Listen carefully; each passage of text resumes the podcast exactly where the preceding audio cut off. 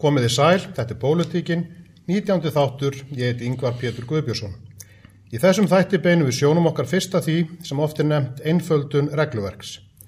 Einföldun regluverks hefur verið eitt af markmiðum og stefnumálum sjálfstæðisflokksins um árabil, ekki síst frá því að flokkurinn settist í ríkistjórna nýju árið 2013 og síðan þá hefur verið unni markvist að því að minka flækjustu í kerfinu, að einfalda fyrirtækjum að starfa án óþarfa skriffinsku og kostnaðar og ekki síst að einfalda ími samskipti almennings í landinu við yfirvöld og stofnanir. Til að ræða þessi mál hef ég fengið góðan gerst, Kristján Þór Júliusson, sjávarútvöks og landbúnaðar á þeirra, sem hefur setið samfélgt í ríkistjóð frá árunnu 2013, fyrst sem þeirra, svo ment og menningamálar á þeirra og þessu kjörtímabili sem sjávarútvöks og landbúnaðar á þeirra. Verstu velkomin Kristján. Kæra. Einföldun regluvers er svona eitt af þessum stóru málum sem að e, í atvinnum við á nýskupunaráðuneytinu og þessu kjörtímabili og mm. það verður ekkert farið fram hjá neinum að mm. þið hafi verið að vinna stór skref í þessu, bæðið þú og eins Þórti Skólbrún. E, hvernig hafið þið nálgast þetta verkefni og af hverju er þetta eitt af stóru áherslumálum sjálfstæðisflokksins og hvaða skref hafa verið stíin e, á þessu kjörtjöfambili? Já, e, þetta er viða mikið verkefni. Við höfum unnið að jágetu samstarf við hvort ekki að stopnarnir og gefið síðan atvinnlífinu færa á því að koma fram með sínar hugmyndir og aðtóasendur og svo frammeðis og það eru starfsmenn ráðanetsins og fleiri sem koma að verkum varðandi þetta mál. Áherslan á þetta er eðlileg vegna þess að oftar en ekki heyru við umræðan um frumskó kerfisins, regluverkið allt saman sem að þvælist fyrir og gerir mannum, mannum lífið erfiðara heldur en það þyrst að vera. Eh, með þess er ég ekki að tala þetta allt niður því að við þurfum að hafa ákveði regluverk en það er óþarf að það hamli vexti eða framgangi mála sem oft vil verða og tilnefingin er nú oft svo að mæla til dæmi skæði lögjafarinnar sem alþingi er að vinna hverju sinni eh, mæla gæði hennar í formi fjöldamála sem að afgreitt eru af þinginu í mínum huga er ekkit samengi þar á milli að fjöldi mála er engin áhersun á það að gæðin séu uh, miklu, með miklum ágætum. Við höfum unnið núna uh, tölvert í þessu undanfarið og gert sérstaklega átak núna á þessum. Uh, ég hef til dæmis tekið verulega til í reglugjörðar frumskóginum og felt niður líka lagabálka. Alþingi samtíði til dæmis frá mér núna á vorþinginu tvö frumvörð til einföldunar, annars er á sviði sjávarútvegsmálana og fiskaldis og hins vegar landbúnaðar. Þar voru að fella niður 33 lagabálka og fækka um 5 eða 6 stjórnsýslunemdir, einfalda stjórnsýsluna, færa verkefni úr einhverjum stjórnsýslunemdun inn til ráðnitsins og svo framvegis og framvegis. Þetta er til mikill að bóta. Við feldum síðan niður í fyrra haust á mínum álefnarsviði rúmlega 1200 reglugerðir sem að hengu með einhverjum hætti inn í kerfinu, sumar engum til gags en flestum til ama, en þegar þú ert að leita að leiðbynningum stjórnvalda inn í reglugerðar pakkanum öllum að þá þælist þetta einhvern veginn fyrir og þá betra að reyns út en svo vorum við að breyta vissulega hátt í 100-200 reglugjörðum efnislegar breytingar. Hvern, en hvernig gerist það að 1242 reglugjörðir bara hanga inn í kerfinu og, og hérna engum til gags eins og þú segir og það er kannski nóga bara að vera með 200 sko. Áherslan er bara meira á það að setja reglur heldur en að afnema þess. Það er bara þannig og það liggur einhvern veginn í eðl okkar allra að, að skilja frekar eftir einhvers mm -hmm svona eitthvað gagn heldur en að taka það að henda því. Já, ég tekki það bara sjálfa því þegar við erum að taka til í íbúðunum okkar já, eða, eða annað fylgnitt að við höfum sapnað okkur alls konar dóti í gegnum tíðina og megnið að því höfum við ekkit með að gera. En það lítur að vera mikil vinna að fara í gegnum allar, allan þennan hauga reglugerðum og, og þú komst áðan inn á það að þið hefðu átt samstarf eða samtal við atunulífi, það lítur að skipta miklu máli að að slíkt samtal fari fram því þetta auðvitað snertir kannski fyrst og síðast að allavega reglugerðar og þínum málasviði svona stórum hluta til Já, hvort ekki að við sagt, gefum uh, atvinnlífunum færi á því að koma fram með hugmyndi tilugur og annað þvíunitt og sömulegis líka þeim stopnunum sem að undir áðunætti þeirra mm -hmm. en eh, ef ég á að segja alveg eins og er að þá er kannski svona það sem kom mér mest óvart var það hversu lítið af beinum tillugum kom fram Já.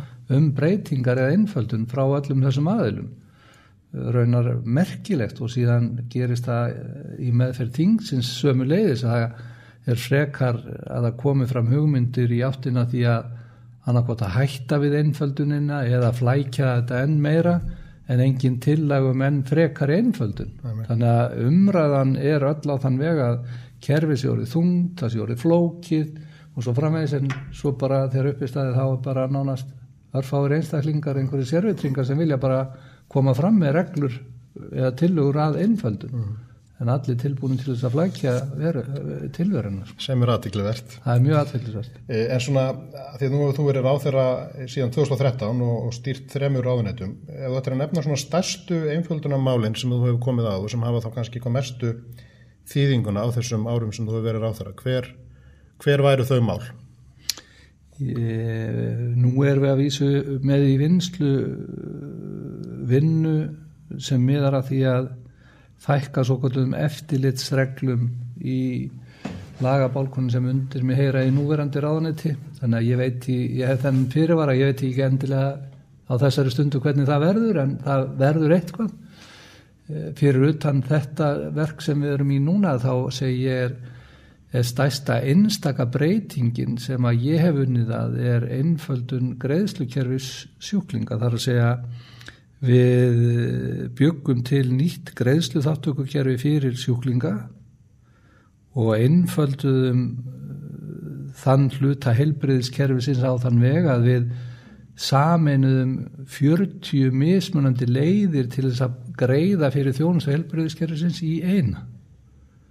Sem að þetta var náttúrulega algjör frumskóur fyrir fólk að fara í gegnum og átta sig á því hvað átti að borga á hverjum stað og í hvaða kostnaði gata lend vegna þessa og hins og svo framvegs nú er þetta allt saman komið þessi, þessi 40 kerfi í eitt kerfi og svo er hinn Og orðið rafrænt er það ekki rétt skilja það þarf ekki orðið lengur að framvísa kvittunum eða öðru slíku. Nei, ég, ég, ég, nú er ég ekki inn í því núna lengur Nei, nei, en það var held ég þannig í, í þinni tíð. og blessunlega lausið það að þurfa að lenda í því og hérna síðan er önnur mjög, mjög stór breyting sem að við gerðum í minni tíðin í helbriðsánendrinu sem að hafði löngu verið eh, sem sagt, í umræðu en, en hafði aldrei komast til framkvæmda og sem var svo að að breyta eh, sem sagt, greiðslukerfi heilsugjæslunar á þann veg að í staðis að heilsugjæslan sé og rekstustöðan sé fjármagnaður beint af fjárlugum með föstu fjárframlagi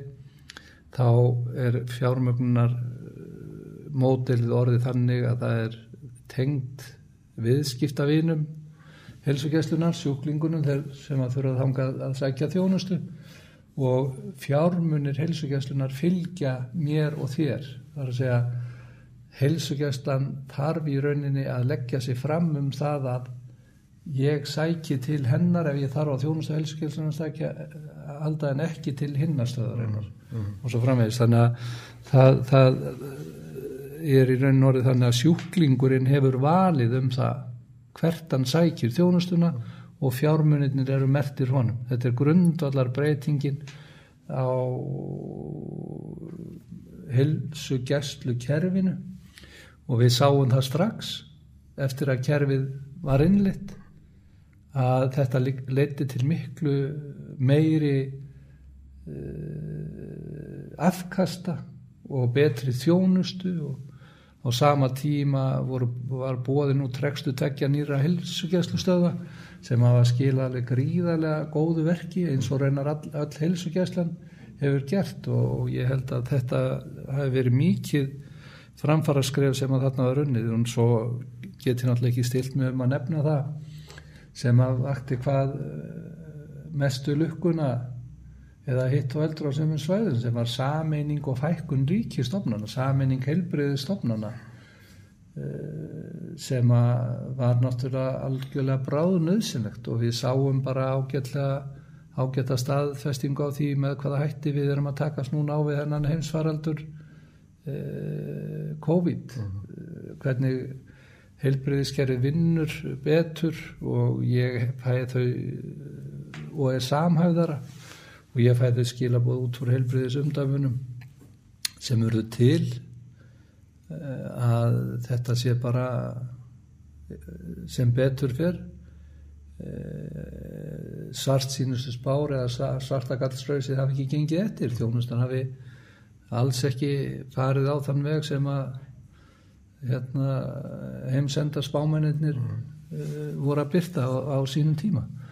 Þannig að ég held að þetta hefur verið til mikil að bóta Nú er það svo með svona verkefni að því kannski líkur seint eins og þú sagðir, það samnast upp endan þessi reglugerði en hvernig er staðan á þessari vinnu núna? Megu við vanta frekara aðgerða á þessu kjörtjöðanbili og, og þá kannski hvaða breyting? Já, ég nefndi þann sko. Við, við erum að fara inn í þriðja fasan ef svo má segja í þessu og þá verður hann fólkin í því að við munum setja saman frumvarp sem að fækkar þessum svo kvöldu eftirlitsreglu það sem við erum að beina sjónunum fyrst og fremst að því að, að setja ekki einstaklinga eða fyrirtæki í þá stöðu að þurfa að tví að þrý taka samskipti sín við kerfið. Þannig að þú veist að eins og vinnumálastofnun og heilbríðseftilit og aðrir að, menn, að, þetta verði þó meira Já, það, það er það sem við, sko, þetta, við erum að reyna að horfa til þess að þetta verði svona meira og minna einn gátt. Já, einmitt sem er langu já. Eitthvað sérstaklega lærdómur svona eftir alla þessa vinnu sem þú hefur dreyið? Já, hann er margvíslegur. Það, það er í rauninni hvað þetta mannlega eðli er, er sjálf og sér líkt. Það er alveg óskaplega tregða hjá öllum að, að standa í því að setja fram tillögur um innföldun og vinna að, að, framgangi þeirra. Það er alveg merkilegt hversu tregðan er mikil allstað koma upp einhverju svona vargæslumenn ríkjandi ástands og vilja helst af öllu styrkja varnirna sínar og lærdómunir er sá að, að ef að við meinum eitthvað með því sem við segjum sjálfstæðismenn að einfalda regluverkið mm. þá er ekki dumnitt annað ræð en að setja undir sér hausinn mm. og vinna bara í því eins og grótpall þrátt fyrir það sem á þeir dinnur það er bara lærdómurinn sem þú verður að taka út úr þessu. Og ég nefndi þá hvað mér hefði komið óvart. Tilneyingin þegar maður kemur fram með þessi mál til þess að reyna að flækja þau frekar eða draga úr. Og ég er ágætt í stæmi um það til dæmis umræðanum það að leggja niður lagaskild á því að marka fyrir eh, skipta skoðanur um það. En það eru margar aðra leiðir til til þess að marka fyrir en ungir bændur óskuðu sérstaklega eftir því að þetta er einhvern veginn litið til nútímans í þessum efnum. Og sjálfsagt að verða við því en, en það náði ekki fram.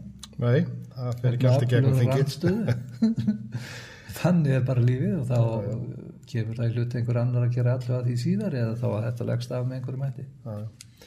E, Það er oft talað um að við séum undir hælnum á ESB og það kemur einmitt kannski daldið úr, úr svona þeirri átt sem er hvað helst í anstöðu alls konar mál, svo ég, mm -hmm. svo ég ætla ekki að fara að nefna það neitt með beinum orðum en uh, uh, hefur eitthvað í þessari vinnu svona komið fram uh, sem hefur verið að þvælast fyrir þar að segja að regluverk Európa sambandsins við erum auðvitað innleiða miklu leiti og sumt gerum við bara með fúsum, fúsum og frjálsum vilja því að það auðvitað gagnast og grákillega í visskiptum og, og svo er annað sem við gaggrinum kannski meira en hefur, hefur þetta reglverk verið að þvælast fyrir, fyrir þessari heldarvinnu sem þið hafi verið í? Stuttumál nei. nei það er bara þannig Ég, það eru bæði kostur og gallar við þetta samstarf okkur í Európa-sambandið en ég er þeirra skoðan að kostirnir við samstarfið séu meiri eftir en gallarnir mm. og uh, ástæðan fyrir því að segi ég hversu bara blómlegt uh, mannlíf er hér á Íslandi? Er fyrst og fremst fyrir það hversu öflugt þetta þjóðfélag hefur verið í uttæringis viðskiptum og verið opið?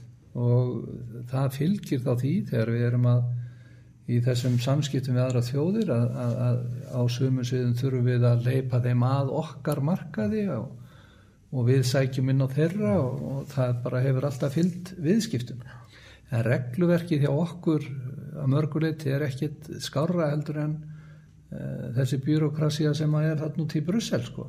Þetta er allstað reyns og þetta er allstað sömu lögmál. Það eru bara ofta tíðum þannig að uh, möppudýrin, sem að svo eru kölluð, ná einhvern veginn yfir höndinni og þá er það einhverja pótintátt að taka slægin við þau það er bara þannig og þetta er eiginlega verkefni sko. Já, það þarf ekkur að gera það Já, já, já Eh, Anna mál kannski þessu tengt, ótengt en, en þó eh, hérna, eh, nýr samningu við garðurkjubendur mm -hmm. þegar maður las það fréttur um það þá fannst maður eins og samningurum væri kannski að það sé ekki einföldur regluvers en kannski einfaldar en fyrir samningur hvað Já. getur þú sagt okkur um, um þennan samning?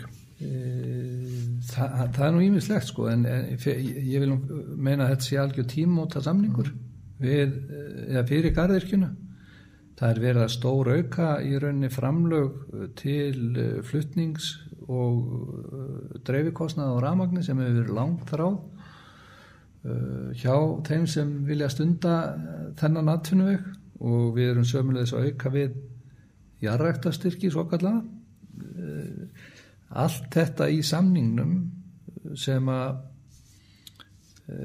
hægt er að týna til sem er margvíslegt uh, hefur það megin markmið og mun stuðla því að við munum auka framleiðslu á íslensku grænmyndum 25% á næstu þremur ár Já. og uh, það er tölverkt, þetta er fjórðungsaukning í framleiðslu og þetta er sameilegt markmið okkar stjórnvalda og bændana í, í þessum efnum það einfaldar lífið að mörgu leiti mm. ef við náum þessu og ég hef ekki nokkur efa í huga mér um það að við náum þessu ekki. Ég fulla trúið þetta gangi eftir allt saman. Og við sjáum það bara í nýjastu fréttum af uh, áformuðum nýjum gardirkistöðum sem hefur verið í fréttum undafarið það er gríðarlegur áhuga á þessu gríðarlega mikill vilji til þess að gera betur og einföldun liggur í því að við verðum nær því að framleiða á ymsum sviðum gardirkynnar eh, matföru, matfæli sem að við hinga til höfum verið að flytja inn. Við styrkjum með þessum hætti samkeppnistöðu innlendrar sjálfbærar framleiðslu mm. og það er gríðarlega gott. En erum við þá að horfa eitthvað til útflutningslíka eða erum við fyrst og síðast að horfa, á, horfa upp á að fylla þetta gaf sem innflutningur um ettir eða? Við höfum, já, við höfum verið að reyna að horfa til þess að styrkja stöðu grænmeðsframleðslunar á innanlandsmarkaði. Það mun skapa sömulegis á einhverjum öðrum sviðum tækifæri mm. til útflutnings og við erum reynar í þeirri ánægilegu stöðu á sömum sviðum hefur verið flutt út grænmeð til góðu verði. Mm -hmm. Agurkan fræga sem flutt var til Danmörkur, hún er löngu sælt sko. en, en e, þarna eigum við möguleika Eh, þó svo á einhverjum öðrum sviðum landbúnaðar hefur við ekki sömu möguleika til útflutnings en, en, en þarna hefur við vissulega möguleika bæt, að bæta stöðu innlendrar e, framleiðslu á, á þessum markaði hér heima og síðan í vexti að flytja út heilnæma góða frábæra vöru. Já, Það er hljóma spennandi. Já. En svona lókum, það er mál sem er einnig frekar nýlagt. Eh, matvælastofnur, sjóður sem var stofnaður í, í júni og þessu ára með sammenningu framleginni sjós landbúnaðurins og AFS rannsóknarsjós í sjávaröldniði eh, segðu mér endilega frá þessum sjóðu og hvert hlutverk hans er. Já, þannig er eh, líka hluta til ákveðin einföldun í gangi. Við erum að steipa saman tveimur sjóðum framleiðinu sjóði og, og svo AFS sjónum svo kallega fyrir sjávaröldfeinum, við erum að steipa semst þessum atvinnu vega sjóðun sem undir ráðunni til mitt heyra saman í einn. Ráðgerum þá að spara nokkra 20 miljón á hverju einasta ári í umsýslu og yfirstjórnarkostnað sem að við getum nýtt betur þá út í atvinnu greinarna sjálfa til þess að íta þá og nýta þess að 20 miljóna króna til þess að skapa meiri verðmæti. Hugsunin í þessu verð svo að, að, að styðja betur við og styrkja verðmætasköpun í framleiðslu, vinslu og markaðsetningu matfæla. Og ástæðan fyrir því að við steipum þessu saman þessum tveimur sjóðum er, er, er kannski svo að e, þetta eru hvorutvekja matfæla framleiðendur, þannig að segja bændur og, og, og landbúnaðurinn og, og sjávarútfjörun, sjómenn og fiskverkafólk. Og e, það er tölverður munur á þessum atvinnugreinum í tæknistígi, þekkingu, sömulegis í fjármunum og við sjáum bara hvað það reygin munur hefur til dæmis orðið á tæknistígi í sjávarútvegi versus landbúnaði. Og með því að færa þetta alltaf sama borði þá held ég að það verði ákveðið miðlun þekkingar á milli það sem hvor geti lært af öðrum.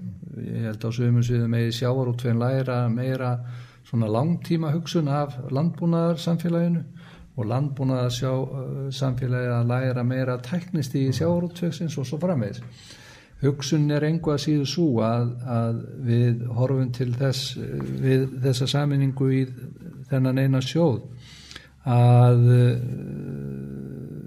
fjármunindin sem hafa runnið til atvinnugreinan að tvekja verði að svipuðum starðagráðum í það minnsta til að byrja með.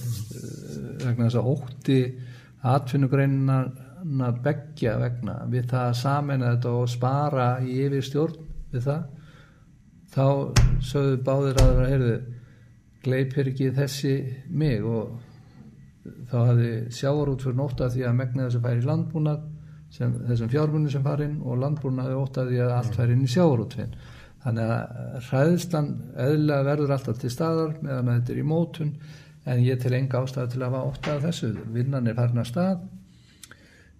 Nýkjörun stjórn er byrjuð að leggja drögað stefnumörkun fyrir sjóðin og ég ger ráð fyrir því að fyrstu, já auglýst verði eftir fyrstu umsóknum núna á höstmánuðum og þarna er inni Eh, að minni ekki mjög veruleg innspýting af hálfu ríkisins inn í það að auka verðmættasköpun í íslenskri matfælaframlæslu til að hagspóta fyrir allt samfélagið.